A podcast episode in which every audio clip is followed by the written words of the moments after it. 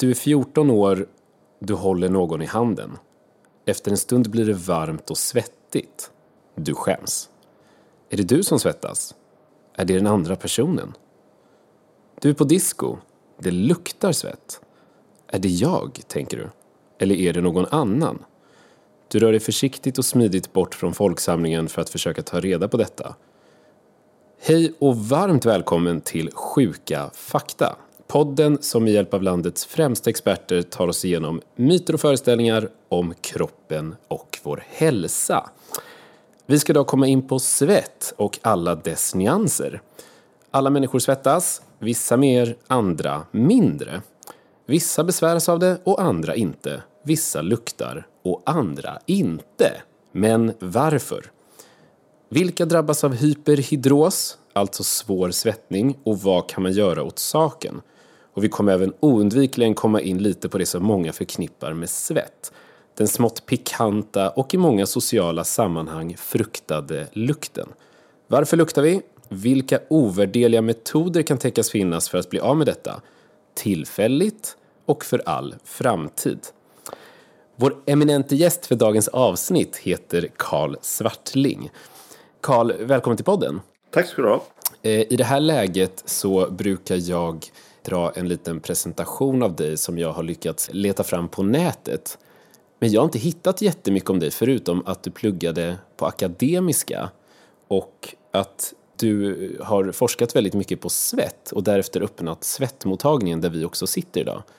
Kan du berätta lite om dig själv och hur du kom in på det här från början? Det stämmer. Det var en period under 90-talet där man i Sverige behandlade de här patienterna som led av eh, uttalad svettning. Det kallar vi för hyperhidros. Mycket vatten på latin. Och eh, det var en operation man gjorde för att de här patienterna skulle sluta att svettas. Man gick helt enkelt in i bröstkorgen och eh, gick ner till ryggraden där de här så kallade svettnerverna kopplade om. Och då opererar man bort de här nerverna och de här omkopplingsstationerna. Och det var revolutionerande för de här patienterna. De blev alldeles torra momentant på händer och ibland också huvud och armhålor. Problemet var att den här metoden hade så svåra biverkningar. Och det upptäckte vi och framförallt neurologerna på Akademiska sjukhuset. Och nu pratar vi mitten av 90-talet. Och då tog vi fram en helt ny metod att ta bort svett med ett mindre farligt medel, nämligen botulinumtoxin. Mer känt som botox, men det finns olika typer av toxin. Och eh, de här neurologerna och jag bildade ett team som eh, ledde till att vi fick fantastiska behandlingsmetoder av just den här sjukdomen. Och nu kan vi egentligen behandla 90 procent av alla som svettas för mycket. Oavsett varifrån man svettas. Så att eh, det är en stor och, och viktig utveckling för den här patientgruppen. Den här operationen som man gjorde tusentals i Sverige, den görs inte i Sverige idag. Men eh, det är en mycket vanlig operation i övriga världen. Hur kommer det sig av alla möjliga saker man kan tänkas vilja nischa sig på att det blev just svett? Tillfälligheter. Eh, jag visste inte mycket eh, och fick höra historier om hur det var att lida av uttalad svettning, hyperidros. Och eh, jag tror alla vi som har jobbat med det blir väldigt starkt berörda. För att det är människor som inte riktigt blir det de vill bli. De lever inte ett optimalt liv. De blir defensiva och försöker hela tiden dölja sina svettiga kroppsdelar. Den här sjukdomen, hyperidros, tillhör diseases of shame. Och det är alltså en väldigt eh, svag patientgrupp som har väldigt svårt att göra sig hörd. Och vill inte göra sig hörd för de skäms. Hur utbrett är det i Sverige? Det finns studier på 3-5 procent. Och det finns också studier som visar att ungefär en, en procent åtminstone har väldigt svåra besvär. Alltså varje dag problem där de hela tiden måste planera, dölja och anpassa sitt liv efter sina svettningar. För vi har ju idag ett lite nischat men dock så brett relaterbart ämne idag. Och jag tänker att vi ska dela upp det i lite olika sektioner kanske för att auditivt kunna få det här lite mer strukturerat presenterat för sig. Så vi börjar lite med anatomin tänker jag och fysiologin bakom svett så att man förstår sig på grunderna och sen dyker vi ner lite i frågor som rör mängd och vilka åtgärder som kan påverka vad och även lukten sen då. Och till vår hjälp, som i många av eh, de här avsnitten, så börjar vi med några huvudföreställningar som vi utgår ifrån. Och sen i slutet av avsnittet så upprepar man dem för att se om vi har lärt oss något. Och så slänger vi in lite annat under eh, avsnittets gång. Så att eh, jag tänker att de föreställningar vi ska försöka ta oss an idag som huvudföreställningar är 1. Man svettas mer om man är vältränad. 2. Man kan känna lukten av sin mat i svetten. 3. Man gör sig av med slaggprodukter när man svettas och därigenom är det nyttigt att svettas. 4. Man kan svetta sig ner i vikt. Och 5. Ökad användning av deodorant ökar risken för cancer. Känner du igen de här föreställningarna? Ja. Stöter du på mycket föreställningar tycker du i din roll som svettexpert?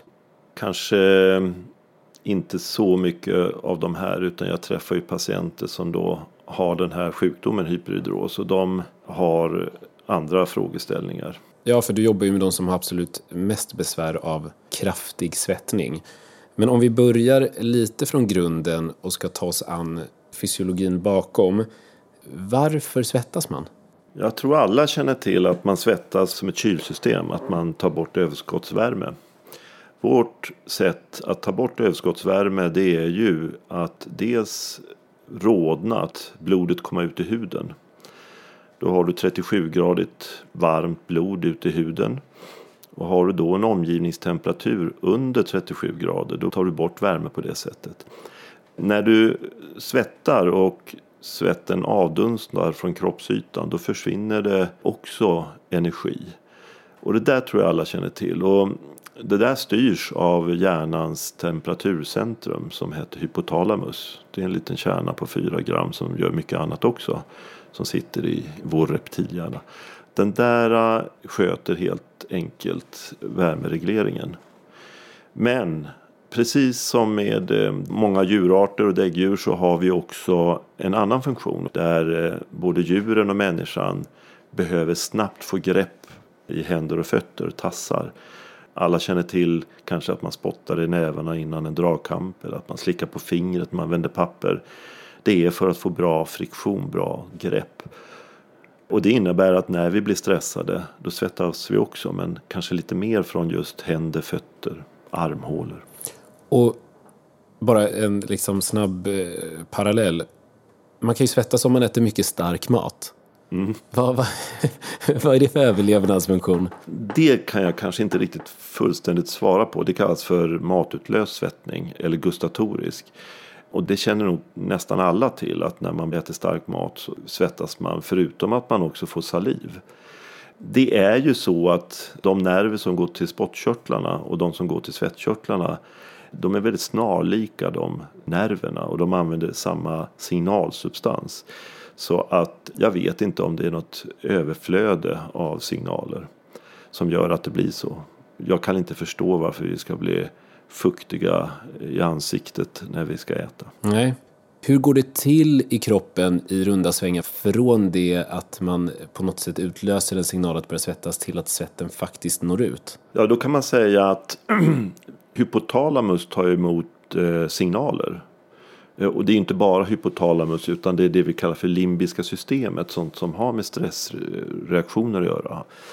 Men de tar emot alltså impulser och de impulserna kan vara syn, hörsel, eh, känsel och så vidare som påkallar stress eller att man kan få impulser som visar att nu är det varmt eller att du rör på det, att det blir varmt.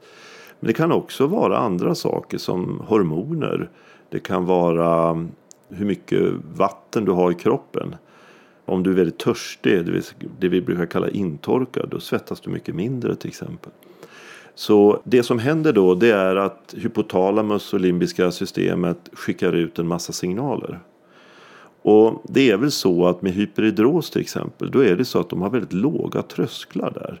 Så när du får in lite stress och när du får in lite värme Då bara kommer det massa signaler ut från hypotalamus och limbiska systemet. Och Åker rakt ut och kopplar om vid strax utanför ryggraden och sen går ända ut i huden. Och där skickar det iväg signalen till svettkörteln. Det finns de som har väldigt höga trösklar i de här äh, centrala systemen i hjärnan. De kan ju gå in i en bastu utan att svettas. För att de skickar inte ut lika mycket signaler. Så jag tror att det här är en normalfördelningsvariant det här med hyperhidros. På samma sätt som vissa svettas väldigt lite så svettas andra patologiskt mycket. Du beskriver ju olika typer av signaler som i olika individer möjliggör svettexkretion. Men till exempel om man ger sig ut utomlands och så har man någon som står som en mimare på ett torg eller som är helt kroppsmålad. Det här är något jag själv har fått höra. Att om man är helt målad så blir det som att man täpper till kroppens förmåga att ge ifrån sig värme. Ett, stämmer det? Och två, skulle man i teorin kunna dö av att stå för länge sådär så att kroppen inte får avge värme? Det finns ju ingen eh, behandling av att man har en kroppsmålning och att man på så sätt slutar att svettas. Skulle det finnas så skulle det vara alldeles utmärkt för många av våra patienter. Då skulle man kunna kroppsmåla armhålan så slipper man det här hemska handikappet. Och om man skulle täppa till porerna på något sätt över hela kroppen kan man riskera att överhettas då? Ja, teoretiskt kan man det. Okej. Okay. Jag har aldrig, aldrig hört talas om det. Nej, jag förstår. Vi lämnar den frågan. Det finns de, har jag sett i en intervju med dig på nyheterna, att man kan svettas färg. Ja, just det. det... Vad, vad är det för något? Man kan säga så här, vi, vi har ju två olika typer av svettkörtlar. Det är ju så att de svettkörtlar som finns i princip på hela kroppen, det är de som vi kallar för ekrina. Och de gör den här vanliga svetten som när vi sitter i en bastu. De gör den synliga svetten. Men sen har vi då en körtel som vi inte vet så mycket om varför vi, vi ska ha egentligen. Den heter apokrin men den sitter runt könsorgan, ljumskar, armhålor. Liknande körtlar finns vid ögonfransar, inne i hörselgångarna och så vidare.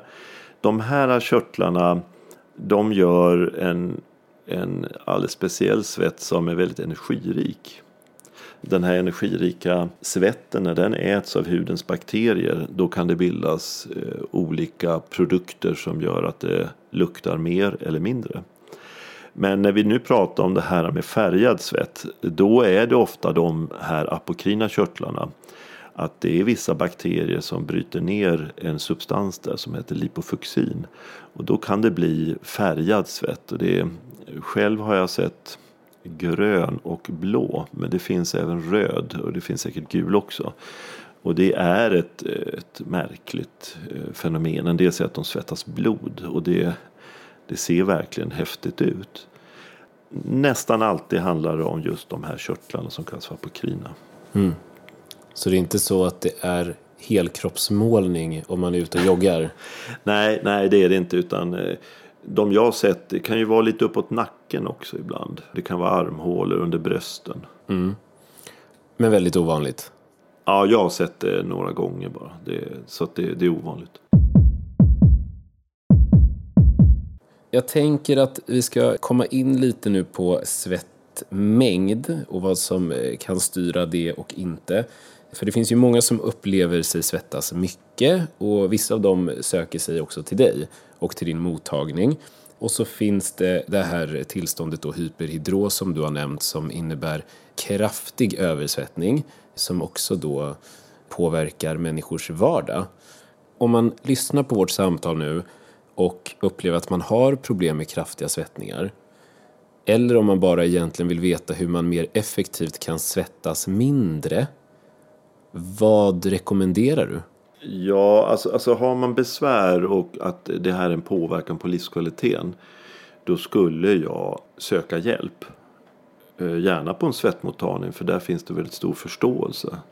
Det här är ju ingenting man föreläser om på läkarutbildningen och därför finns det väldigt mycket okunskap. Och det är många av de här patienterna som jag har sett som ofta hamnar i väldigt konstiga situationer med sin husläkare eller med sin gynekolog eller hudläkare där man ber dem att gå ner i vikt eller att de ska börja äta psykofarmaka och gå i någon terapi. Och de får olika konstiga diagnoser som social fobi och så vidare. Jag tror man ska gå om man kan till en svettmottagning. Eh, eller till sin husläkare och be att få remiss. Många skäms ju för att gå faktiskt och prata om det med vårdpersonal. Det finns en studie som visar att de absolut flesta, 62 procent, inte alls söker sjukvård fastän det här kan vara deras största problem i livet. Och min känsla med patienter med hyperhidros att det tar ett tag innan man erkänner det för sig själv också. Det är lite som att komma ur garderoben. När man väl har gjort det så och får hjälp då är det ofta en eh, game changer. Där många liksom efter behandlingen har påpekat att de faktiskt kunde bli det de ville bli. Jag blev läkare, jag blev polis, jag blev precis det jag ville efter att jag fick den här behandlingen. Det hade jag aldrig valt annars. Så det, det tycker jag med de som svettas mycket, gör det. När det gäller att svettas mindre Ja, alltså gör man det på vissa ställen på kroppen och den första behandlingen av om man svettas för mycket. Man kan ju pröva då receptfria medel först. Och det passar sig bra i armhålor, kanske handflator, fotsulor. Och då finns det den här aluminiumklorid som täpper till de här porerna, svettporerna. Och det kan funka för, för en hel del och det tycker jag är förstahandsmedel. Och eh, det kan man köpa receptfritt på apoteket. Hur ser det ut med forskningen på psykisk ohälsa kombinerat med eh, upplevda problem med svettning? Finns det någon sån forskning? Ja, den har kommit igång nu. För det, det har varit väldigt lite forskning på, på hyperhidros om du jämför med andra folksjukdomar. Men eh, nu, nu ser vi det och det, det, är väldigt intressant att man med olika validerade formulär kan liksom se att patienter med hyperhidros har man mycket större påverkan psykiskt än eh, till exempel psoriasis, akne och eksem. Och det är framförallt funktionen. Eh, man kan säga att man har en tredelad symptombild. Den ena är det liksom fysiska symptom. Att det kanske immar i glasögonen, att man har istappar i håret när man går ut på vintern eller att papperna blir blöta och så vidare. Man måste gå och byta tröjor och man blöter igenom byxor. Sen har du då det här med känslor. Att det handlar väldigt mycket om att man känner sig äcklig. Att det påverkar ens självförtroende och självkänsla. Men sen kommer då alla de här besluten som hela tiden fattas av patienter med hyperros. Ska jag göra si eller ska jag göra så? Och då blir det ofta defensiva beslut vilket leder till att funktionen försämras. Man väljer inte sommarjobbet med dresscode. Man väljer inte att träffa den partnern. Man väljer inte olika utbildningar. Man tackar nej till den sociala arenan. Och där, när man tittar på det, funktionen, står det väldigt mycket ut jämfört med psoriasis, akne och de här sjukdomarna. Med det sagt så menar jag inte att de sjukdomarna eh, inte ska ha hjälp. Men, eh, men det finns en inkonsekvens i svensk sjukvård. The primary endpoint egentligen livskvalitet när det gäller hudsjukdom. Där man har helt tappat det här när det gäller hyperhidros. Samsjukligheten här med eh, ångest, social fobi och depression eh, är beskriven i flera studier. Och det finns också en intressant studie som visar att när man väl tar bort svetten så minskar behovet av psykofarmaka med upp till 50 procent. För man kan ju alltid fundera på varför det finns en samsjuklighet. Men eh, helt klart är att man mår psykiskt väldigt mycket bättre och man levererar bättre när man får adekvat behandling. Ja, och när vi ändå pratar lite om det här med behandling. Jag har försökt läsa mig till lite vad det innebär men då har jag hittat dels eh, botox som du nämnde men också elchocksbehandlingar. Och för den som kanske inte är så insatt så låter ju det nästan lite läskigt. Skulle du kunna förklara bara i korta drag hur en sån behandling skulle kunna se ut? Ja, eh, det, det heter jontofores eller jonbehandling. Det är framförallt för händer och fötter. Där man eh, kopplar upp sig till ett elektriskt system, ett batteri.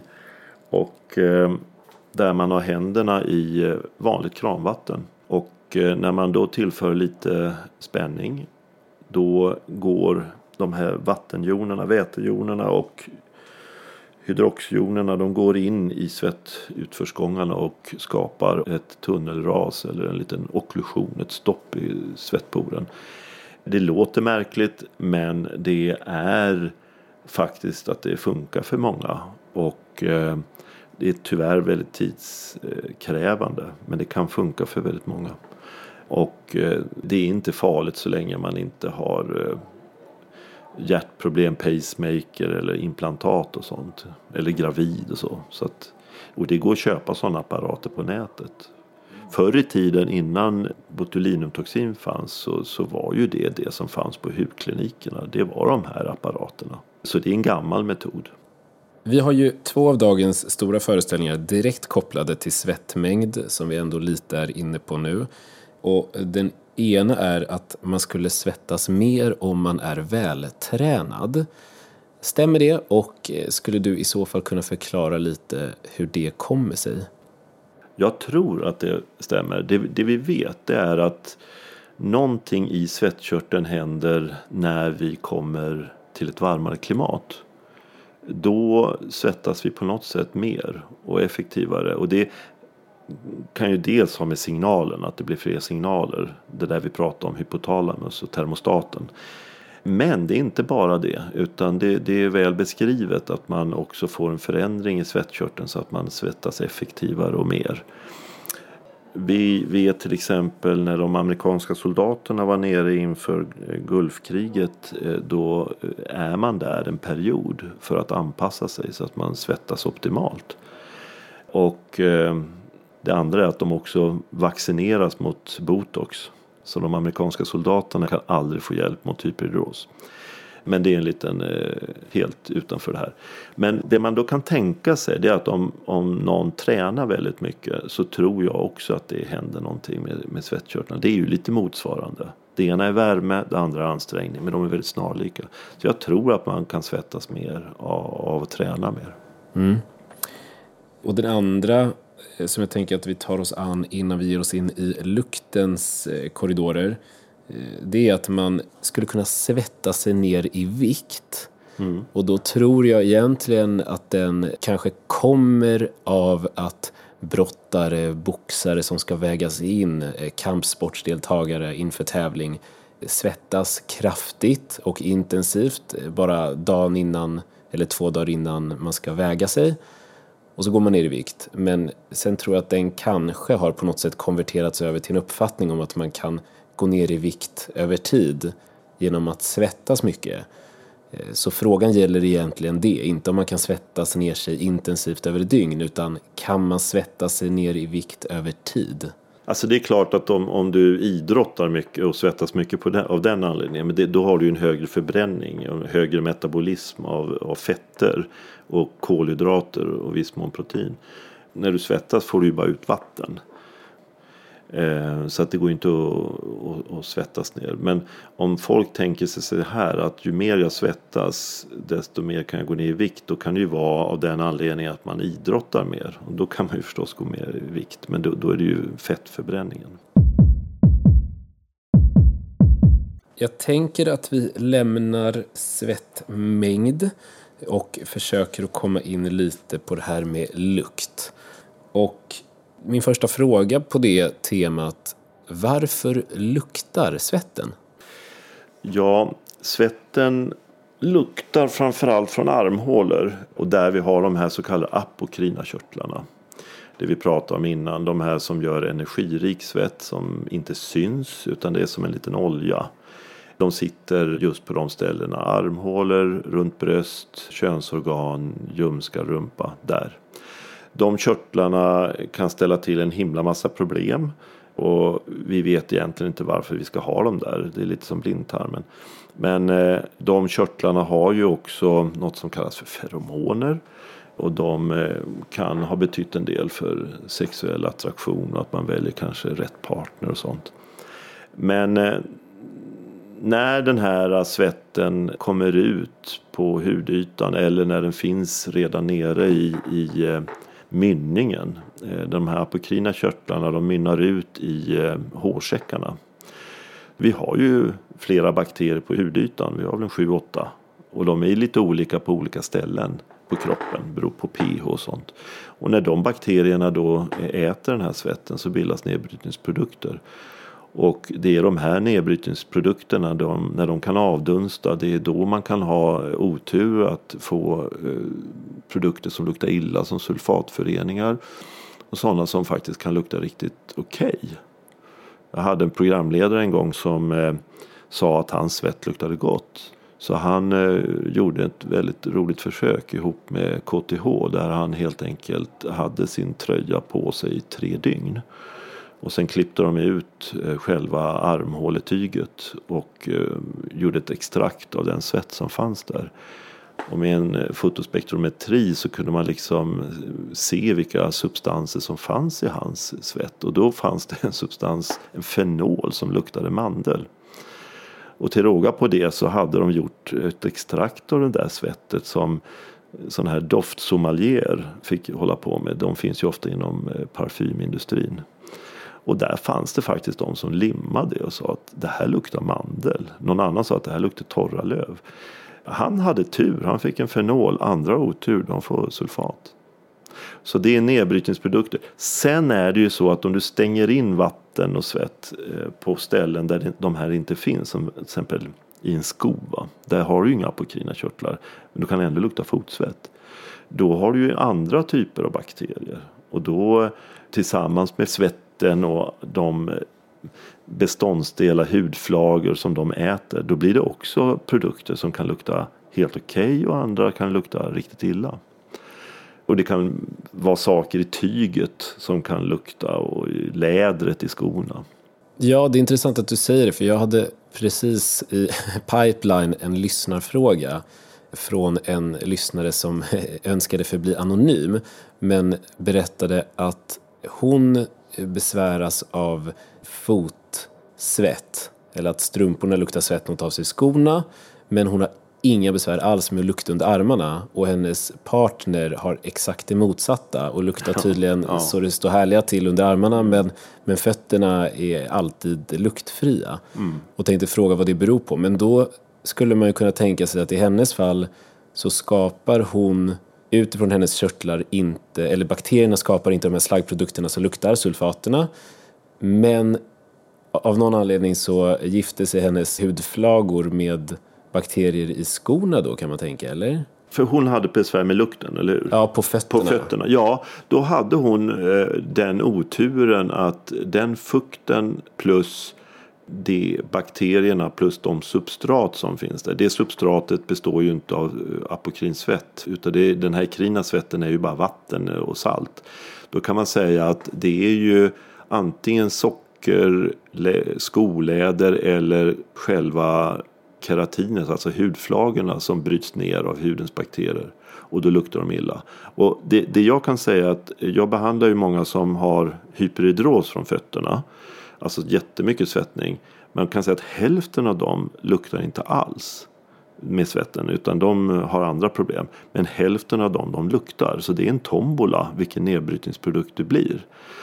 Och för den här killen då, då, då är det samma sak där. Då. Så han har otur med mixen av den svett som kommer ut och den bakterieflora han har. Och så blir det en produkt som luktar illa. Och där har hon tur. Ja, för jag tänker mig att armhålesituationen är en, har en behandlingsstrategi ja, kanske. Exakt, ja. Eftersom att det är baserat på ens körtlar.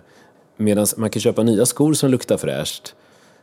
Min fråga är egentligen, den med mycket fotsvett, vad, vad kan den personen göra för att eventuellt bli av med sin illaluktande fotsvett? Kan man göra någonting? Ja, det, det, är nästan lite enklare kanske än armhålan på ett sätt. För att du kan ju ta bort vattenkomponenten, svettkomponenten på fötterna. För där har vi ju olika typer av eh, behandlingar. Så om du bara tar bort svetten då har du ju ingen vatten i skorna och strumpan och då blir det ju liksom ingen tillväxt av bakterier. Så det tycker jag är det enkla. När det gäller de apokrina körtlarna i armhålan så är det lurigare faktiskt. Eh, där kan man också behandla men det är inte lika enkelt. Det finns en metod nu som har blivit godkänd för hyperuros i armhålan som heter miradry. Och den är en metod som använder sig av mikrovågor. Eh, samma sak som våra mikrovågsugnar. Så man värmer upp armhålan i ungefär 10 sekunder upp till 70 grader Celsius. Och får en destruktion av det område där de här svettkörtlarna ligger på. Och då ska vi veta att när den här metoden togs fram då var det de ekrina körtlarna, alltså de som gör mycket eh, svett. Det var de som var fokus. Men det som man såg som en positiv biverkan det var att väldigt många apokrina körtlar försvann också. Och då också hårstråna, alltså det vi kallar de som sitter precis bredvid de här apokrina. Så de försvann också. Och eh, inte fullt ut. Men det innebär att den metoden kan vara bra förutom botulinumtoxin för att också ta bort lukten. Och den är också godkänd eh, av eh, Läkemedelsverket och så vidare. Och för att knyta an till det här med de olika körtlarna och orsak till att man luktar svett. Kan man inte lukta svett innan man kommit in i puberteten? För det är ju också en föreställning att det börjar då, eller att man i alla fall noterar det då. Finns det någon fysiologisk orsak till det eller är det bara en Nej, men det, det, är helt korrekt att svettning från de här ställen där de apokrina körtlarna finns, eh, det vill säga just det här med armhålor, ljumska rumpa, det är beroende av könshormon. Så att, och det gäller inte bara de apokrina körtlarna utan det gäller de ekrina också. Så att när vi pratar om det andra, en hyperhidros, när man svettas mycket, då, då kan, ju, kan man ju märka det på BB redan att bebisarna svettas alldeles helt onaturligt från händer och fötter.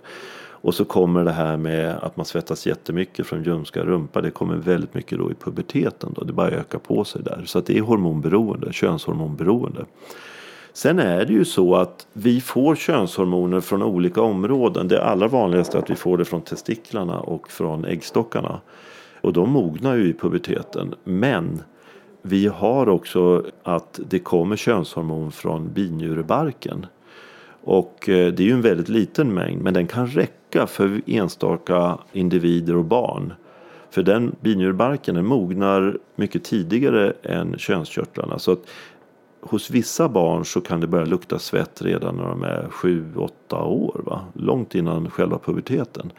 Och då är många väldigt oroliga att det här är, en patient, det här är något som utvecklas till för tidig pubertet och ska utredas vidare. Och det ska det om det finns andra karaktäristika för pubertet som sekundär behåring och att man får börja få bröst eller djupare röst och sånt.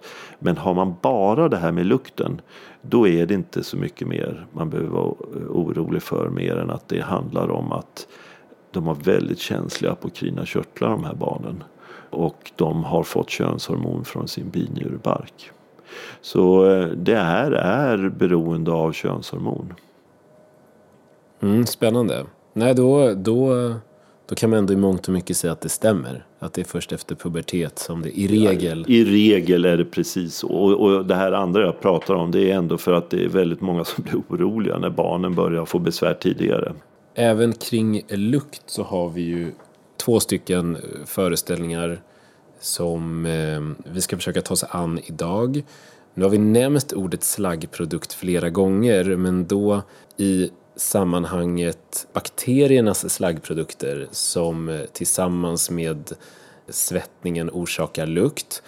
Sen finns det ju en föreställning att det är nyttigt att svettas mycket för att kroppen lite kanske ospecificerat skulle göra sig av med inom citationstecken slaggprodukter.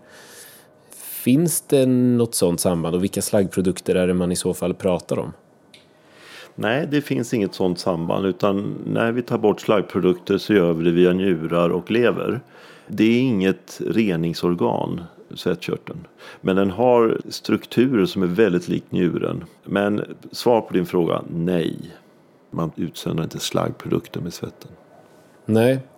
Sen finns det ju då också kopplat till det här att man skulle kunna känna lukten av mat i svetten. Hur, spontant känns det som att svaret skulle vara nej där då om det inte finns så mycket annat i. Men det kanske finns något, något annat som spelar in. Alltså svetten, man, om man ska vara hårdragen, nu pratar vi om den här krina svetten som den svett vi ser. Då kan man säga att Den svetten är en blandning av salt och vatten. Men sen innehåller den kanske en 50-60 ytterligare substanser i små, små mängder. Och en del av de där substanserna kan vara väldigt viktiga kanske för hudbarriären. Att eh, försörja hudbarriären. Salt är ju bra för hudbarriären. Det binder vatten till hudbarriären och så vidare. Och eh, det är klart att det finns även eh, substanser från födan som kan komma ut i, via den här svetten. Så det, det stämmer. Till exempel vitlök kan komma ut genom eh, Vissa delar av vitlöken kan komma ut via svetten. Precis som den kan komma ut via eh, saliv och sånt också. Mm. Det är ju spännande. Ja, visst är det det. Ja, det, ja, det är... ja, visst är det I, det. I brist på bättre beskrivande ord. Ja, svettkörteln är ju väldigt liten men väldigt intressant. Och många, när man läser till läkare så vill man ju hålla på med hjärnan kanske eller hjärtat. Men för min del blir det svettkörteln. Mm. Det var inget det var inget eh, dumt val, för det har också gjort att vi får sitta här och prata. det är väldigt, jag lär mig mängder. Eh, vi, ska, vi ska strax lämna det här med, eh, vi ska inte helt lämna med lukt, men vi ska försöka att eh, på något sätt göra en snygg brygga över till vad man då kan göra åt saken på en mer generell nivå om man inte lider av de här extrema konsekvenserna. Och till att börja med så har jag läst mig till att det finns något som kallas för svetttransplantation. Mm. Vad är det? Ja, alltså för, för, det första ska jag säga det här att hyperhidros det är när man svettas mycket. Bromhidros det är egentligen när man lider av illaluktande svett. Jag kan mindre om det men det är sannolikt fruktansvärt tillstånd att eh, känna att man luktar obehagligt och illa. Och jag träffar många av de patienterna. Och svettransplantation det har ju då med armhålorna att göra. Varje person har ju sin flora. Precis som vi har det i tarmen så har vi det ju på, i alla barriärer. Och huden är ju en jättebarriär. Det är ju en eh, otrolig barriär. Och eh, där ingår ju de här bakterierna ett symbios för att vi ska klara oss mot angrepp och, och eh, tumörer och allt möjligt. Och eh, en del av de där eh, bakterierna skapar mer tråkiga nedbrytningsprodukter som kan lukta illa, typ de här sulfatföreningarna när man, när man digererar och äter den här eh, apokrina svetten, energirika svetten. Och då har man försökt med, med viss framgång, det är väl inte något jättestort, men att man helt enkelt tar bakteriefloran då från en person som inte luktar, som kanske har en luktar mandel. Och så tar man den och så försöker få in den i armhålorna på den som har en bakterieflora som skapar trista produkter som sulfatföreningar. Och det är det de kallar för en bakterietransplantation kan man kalla det för. Eh, och jag tycker det är jätteintressant om man skulle kunna hjälpa människor genom att föra in eh, prebiotika i armhålorna för att få bättre lukt. Det är fantastiskt. Ja, det är väldigt spännande. Då skulle man ju, tänker man sig, kunna gå till första bästa anhörig eller kompis som inte luktar dra en träspatel och sen gnugga in sig själv med det där? ja, man kan ju alltid försöka utanför protokollet. Det, jag vet inte riktigt hur det där ska gå till men jag tycker själva idén är väldigt spännande. Sen är det, det är ju så att det finns ju något som heter stresssvett. Det tog mig många år innan jag tror jag förstod vad det är. Men, men det innebär att du går in i duschen, duschar och så blir du lite stressad för du ska iväg snabbt. Och så bara pang säger det så luktar svetten direkt. Du hinner knappt dra på rollonnen, du hinner knappt sätta på dig tröjan så säger det pang. Eller om du sitter på ett möte där du liksom börjar lukta momentant, det går jättefort. Det beror sannolikt på att vi har mycket av den här apokrina svetten under huden. Va? Den ligger där som en reservoar i den här hårsäcken, hårsäcksfollikeln där den mynnar ut i. Och då ligger bakterierna där i den här hårsäcken. Och då har den liksom gjort all nedbrytningsprodukt, allt är klappat och klart. Och Jag vet inte om du har lyssnat på Gunde Svan. Han brukar ju prata om att man får ståpäls. Det vill säga att håret reser sig på armarna när man ryser och känslomässigt. Det är ju samma med stress. va. Och när man får stress då får man den här lilla muskeln som är vid hårsäcken som heter erector pili. Den drar till sig och ger en kontraktion. Och då åker all den här digererade svettsuspensionen ut på hudens yta. Och då får du en momentan svettlukt vid det här. Och det kallas för stresssvett. Med det sagt så menar jag att hudens bakterier kan man hitta nere under huden i, i de här utförsgångarna men också ännu djupare. Det är ju en utmaning att kunna få in det här transplantatet ner på djupet också. Att det inte bara läggs på ytan. Eftersvettning, jag var inne på det här med träning. Vissa eftersvettas länge, andra kortare tid. Har det enbart att göra med kroppens förmåga att effektivt och snabbt kunna kyla ner sig till någon typ av normalnivå? Det har med trösklar i centrala nervsystemet, det här termostaten och det att göra. Eftersvettningen som är länge, det är rätt typiskt för de som har hyperhidros. De tar ofta bilen istället för att cykla och cyklar de till jobbet så måste de vara ute i väldigt god tid. De måste sitta och eftersvettas, de måste ta en kall dusch. Alltså det är så jäkla mycket pyssel för de här människorna som har hyperhidros. Nu ska jag säga att hyperhidros, den diagnosen ställer man när patienten är påverkad i sin livskvalitet. Det är ungefär som ADHD, man kan ha ADHD-drag men man ställer inte diagnosen om patienten är nöjd med sig själv. Mm. Ja, det är spännande grejer vi lär oss idag om svett. Jag tänker att vi ska komma in på ett litet annat spår. För människor svettas olika mycket och för att både kanske svettas mindre men också lukta mindre så tar man till deodorant och eller antiperspirant. Vad är skillnaden? I praktiken är det så att en deodorant ofta har lite antiperspirantia i sig och vice versa. Men en deodorant det betyder de och dör. Det betyder ta bort och dör, ta bort och dör. Och då, då är det just den här apokrina svetten som man försöker få bort. Och då innehåller de ofta bakteriedödande medel, till exempel triklosan. Och så försöker de ha något konkurrerande gott parfymliknande i sig som konkurrerar bort den här doften som man inte vill ha. Med en antiperspirant så är det ju så att den eh, fokuserar på den ekrina svetten, alltså den här mängden. Och då innehåller det aluminiumsalter som eh, proppar igen de här utförsgångarna och då svettas man mindre. Man kan säga starka antiperspirantier som man kan köpa på apoteket. Det är för de som har mycket svettningar. Men man kan tänka sig att deodoranter har små mängder av det. Och att man har de här starka det är det att de kan ha biverkningar. Att man kan få, om man är väldigt blöt i armhålan till exempel, att man kan få föreningen saltsyraföreningen när man blandar ihop aluminiumklorid och vatten eller, som finns i svetten. Ja, och det var bra att du nämnde nu aluminium för att det finns ju en föreställning att deodoranter kan ge cancer och att aluminium eventuellt skulle vara en bidragande orsak till det. Vad finns det för forskning på, på det här? Ja, alltså aluminium kanske kan göra det men, men eh, jag känner mig väldigt trygg med att det är ofarligt med aluminiumklorid.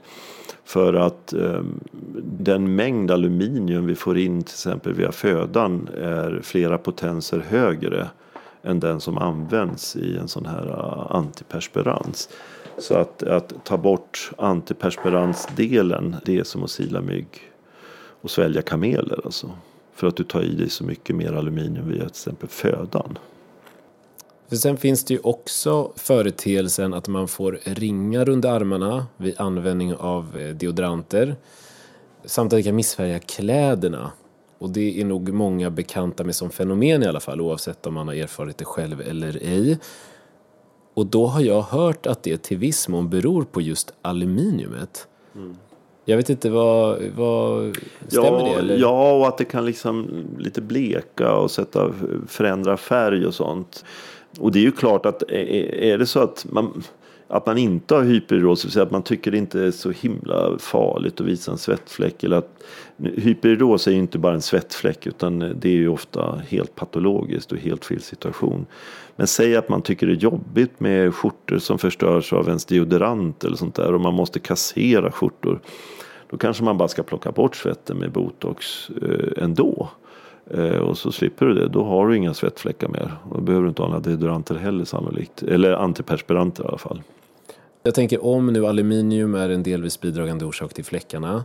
Finns det deodoranter utan aluminium? Man kan ju pröva andra salter också. Det finns, det är inte lika vanligt. Och jag kan inte på rak arm säga vad de heter men man skulle kunna titta och prata med apoteken om de kunde ta in något annat som innehåller något annat salt. Men om man vill pröva någonting annat som kanske ger mindre blekningseffekt eller eh, effekt på kläder. Och jag kan tänka mig att de här missfärgningarna på kläderna kan ju dels ha med deodoranten att göra men också kanske en blandning med svetten. Och kopplat till det här då eh, med missfärgningar på kläderna så undrar jag ifall eh, du har något konkret tips på hur man blir av med dessa? För det finns ju mycket husmorsknep. Vinäger och ättika och citron och på nätet så finns det de som förespråkar det här och andra som totalt slår ner dessa som humbug. Är det något du känner till hur man skulle kunna Nej, jag, jag är ingen expert på att ta bort svettfläckar och så vidare. Det, det är jag inte. Jag har aldrig fått de där frågeställningarna. Då, då, då, blir det liksom att man inte tänker så mycket på det. Va? Nej. Jag vet ju att de som har hyperidros de har ett väldigt stort klädkonto. Dels så kan de bara ha vissa kläder för att dölja fläcken. De har i princip bara svarta kläder och de har bara jeanstyg till exempel för att inte svettas igenom brallorna. De har ett jättestort skokonto. Så att de förstör jättemycket kläder. Och lukt kan också vara svårt att få bort. Man kan försöka med bakteriedödande silversulor och sånt där. Och, men jag, jag, jag vet inte, de, de konsumerar jättemycket kläder och skor. Man kan ju säga att om det är någon som lyssnar på det här avsnittet och känner till kanske den kemiska möjligheten att reversera effekten så får man hemskt gärna höra av sig. Hyperidrosföreningen är ju en, en förening som har bildats rätt nyligen, kanske tio år sedan.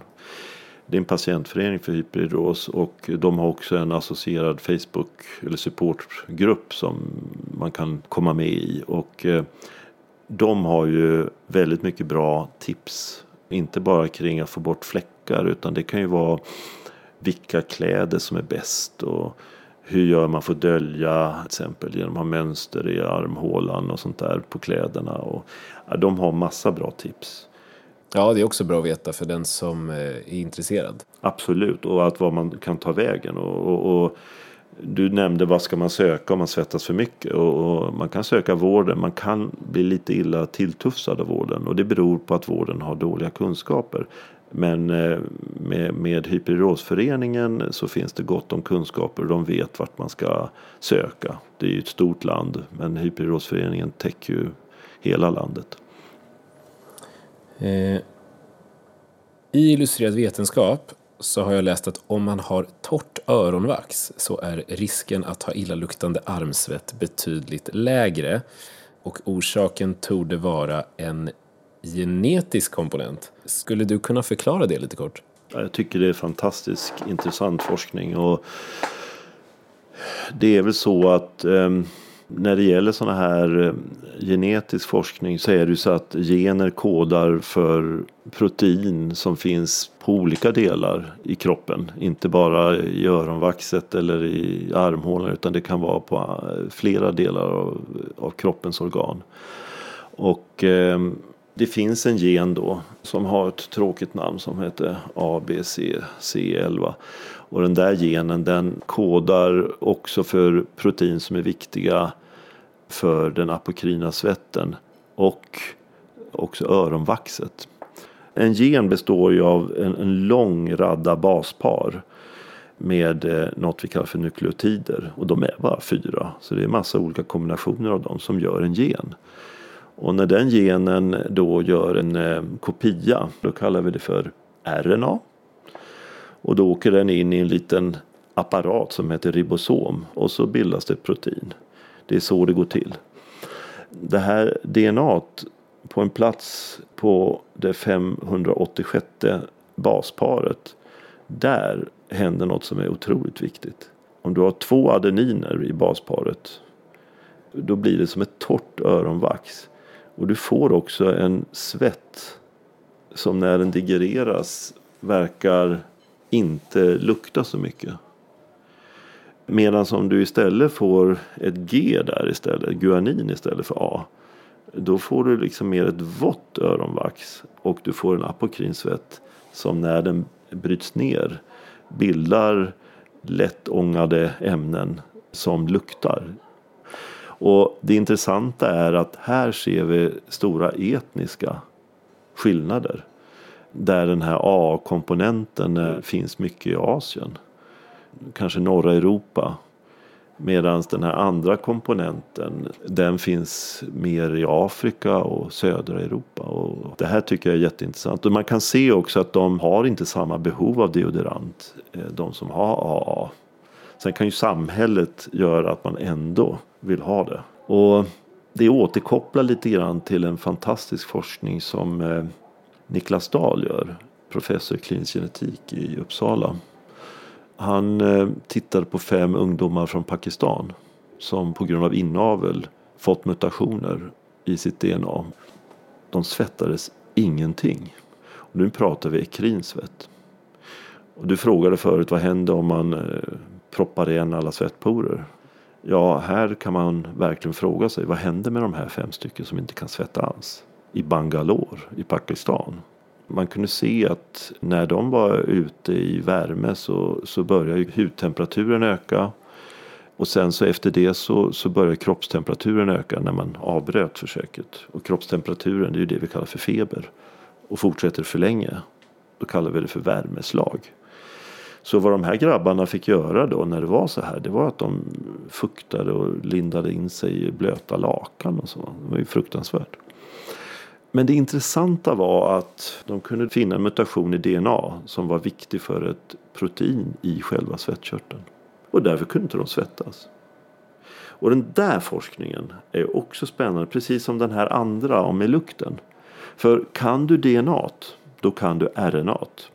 Och kan du då plocka bort det där RNA som kommer där med någonting du för in, då kan du blockera bort det. Och när du blockerar bort det, då blir det inget protein. Då kan du liksom få de här pakistanska pojkarnas fenotyp att bli precis samma sak i din fuktiga armhåla. Kan du göra sån här så kallad siRNA, det är, ingen, det, det är en forskning som finns, det kallas för genterapi. Kan du få till det exempel på de här som luktar? Att du kan plocka bort deras RNA genom att du för in det med en roll-on eller vad du än gör. För det här är små molekyler. Eller om du kan föra in det i armhålan eller på handflator. Då skulle det kunna få fantastiskt fina konsekvenser för den här patientgruppen. Och det är, det är ett hopp för dem som lider av bromidros och hyperidros. Inom hur lång tid tror du det är realistiskt att anta att den med svettproblem oavsett om det gäller mängd eller lukt kan bli helt bra med en ganska okontroversiell behandling? Man kan säga redan nu kan vi i de studier vi har gjort, nu pratar jag bara hyperhidros som svettas mycket. Och då ska vi veta att de flesta svettas inte från ett område, alltså inte bara armhål utan det är ofta kombinationer. Men om du slår på alla så kan vi göra 90% nöjda. Att de får en återställd och bra livskvalitet redan nu. Jag ska inte säga att det är busenklaste men, men det är inte jättesvårt. Så att redan nu kan vi det med botulinotoxin och Miradry. När det gäller att göra någon frisk, det, då pratar vi ofta om kirurgi, ta bort något. Men i och med att felet är hyperidros, eller felet och felet, handlar om tröskelnivåer uppe i reptilhjärnan. Där kan vi inte gå in och göra någonting. Då måste vi hålla på med kemiska substanser och det kanske vi inte vill. Så då är det ju istället sådana här saker som till exempel Niklas och Joakim forskar på som skulle kunna vara ett till verktyg i den symptomatiska behandlingen. Alltså inte den kurativa utan den symptomatiska. Jag tycker den här forskningen om de här uh, lukt, det här torra vaxet och det här uh, energirika svetterna på krina. Där borde man också egentligen kunna hitta siRNA och kunna få dem att må bra. Men redan nu har vi ju metoder med till exempel Mira Dry eller med botox att för de flesta kunna göra det mycket bättre. Mm. Mm, snyggt. Bra summerat. Avsnittet börjar lida lite mot sitt slut. Och jag tänker eh, först då i syfte att knyta ihop säcken att vi ska gå igenom de här första fem föreställningarna som vi började med. Och så ska vi ta och avrunda därefter. Man svettas mer om man är vältränad. Ja, jag tror det. Man kan känna lukten av mat i sin svett. Ja. Man gör sig av med slaggprodukter när man svettas och därigenom är det nyttigt att svettas. Nej. Man kan svettas sig ner i vikt. Temporärt, ja. Ökad användning av deodorant ökar risken för cancer. Nej. Nu har vi gått igenom väldigt eh, spritt här. Vi har ju lärt oss att det finns de som luktar gott till och med av sin svett. Ehm, mandel. Ja, ma mandel i det här fallet. Ja. Och det finns de som eh, inte besväras alls, men på samma sätt så har vi fått höra att det finns de som svettas färg. Och eh, ganska många ändå i Sverige som besväras oerhört av svett, men som kanske inte lyfter det med människor i omgivningen för att man skäms eller upplever att det på något sätt inte är önskvärt att lyfta. Finns det någonting du tycker att vi inte har gått igenom som är av relevans för lyssnarna inom området svett? Nej, jag har bara en önskan att eh, patienter med hyperhidros tas på allvar och slipper sitta på kosmetiska kliniker. För det är en medicinsk sjukdom. Jag tycker inte en 14-årig pojke eller flicka ska sitta på en klinik där man behandlar rynkor och får större bröst. Eh, jag tycker de ska få hjälp. Jag tycker också något vi inte har pratat om det är att man kan också ta tabletter mot hyperhidros. Och de tabletterna går under ett samlingsnamn som heter antikolinergika. Och de tabletterna de sätter sig på svettkörteln så att när signalen kommer till svettkörteln då är den ockuperad. Och det är positivt, då svettas man mindre. Problemet med de antikolinergika är att de passerar blod-järnbarriären de allra flesta. Framförallt de som finns på svenska marknaden. Och att det påverkar också minnescentra som hippocampus. Vi vet att en enda tablett av det som rekommenderas i de svenska guidelines nu påverkar en ung frisk människas EEG, det vill säga elektrisk aktivitet i hjärnan. Och nu har det kommit många observationsstudier, åtminstone tre stora, som visar på ökad risk för demens när man använder det vid eh, 60 plus.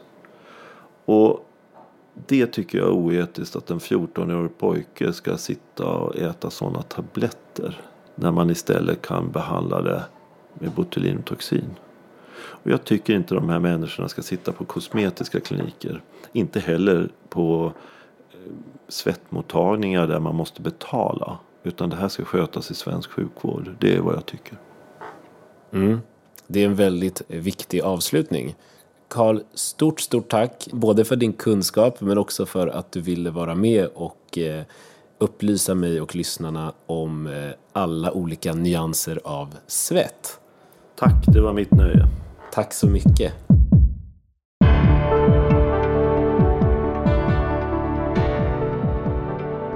Det här var alltså Dr. Karl Svartling och lite ditten och datten om svett. Hoppas du lärde dig något nytt. Nästa vecka avslutar vi säsongen med ett ämne som efterfrågats av många och som länge betraktats som en orsak till cancer till lika svensk stolthet. Snuset. Hur påverkar det munhälsan? Får man verkligen cancer? Och vad är de där portionspåsarna verkligen gjorda av? Mer om detta då. För samarbeten och frågor hänvisar vi er till kontakt sjukafakta.se och till Instagramkontot sjukafaktapodcast. Med dessa ord tackar vi för denna gång och hoppas vi hörs på säsongsavslutningen. Och tills dess, må gott, ta hand om dig och tro inte på allt du hör.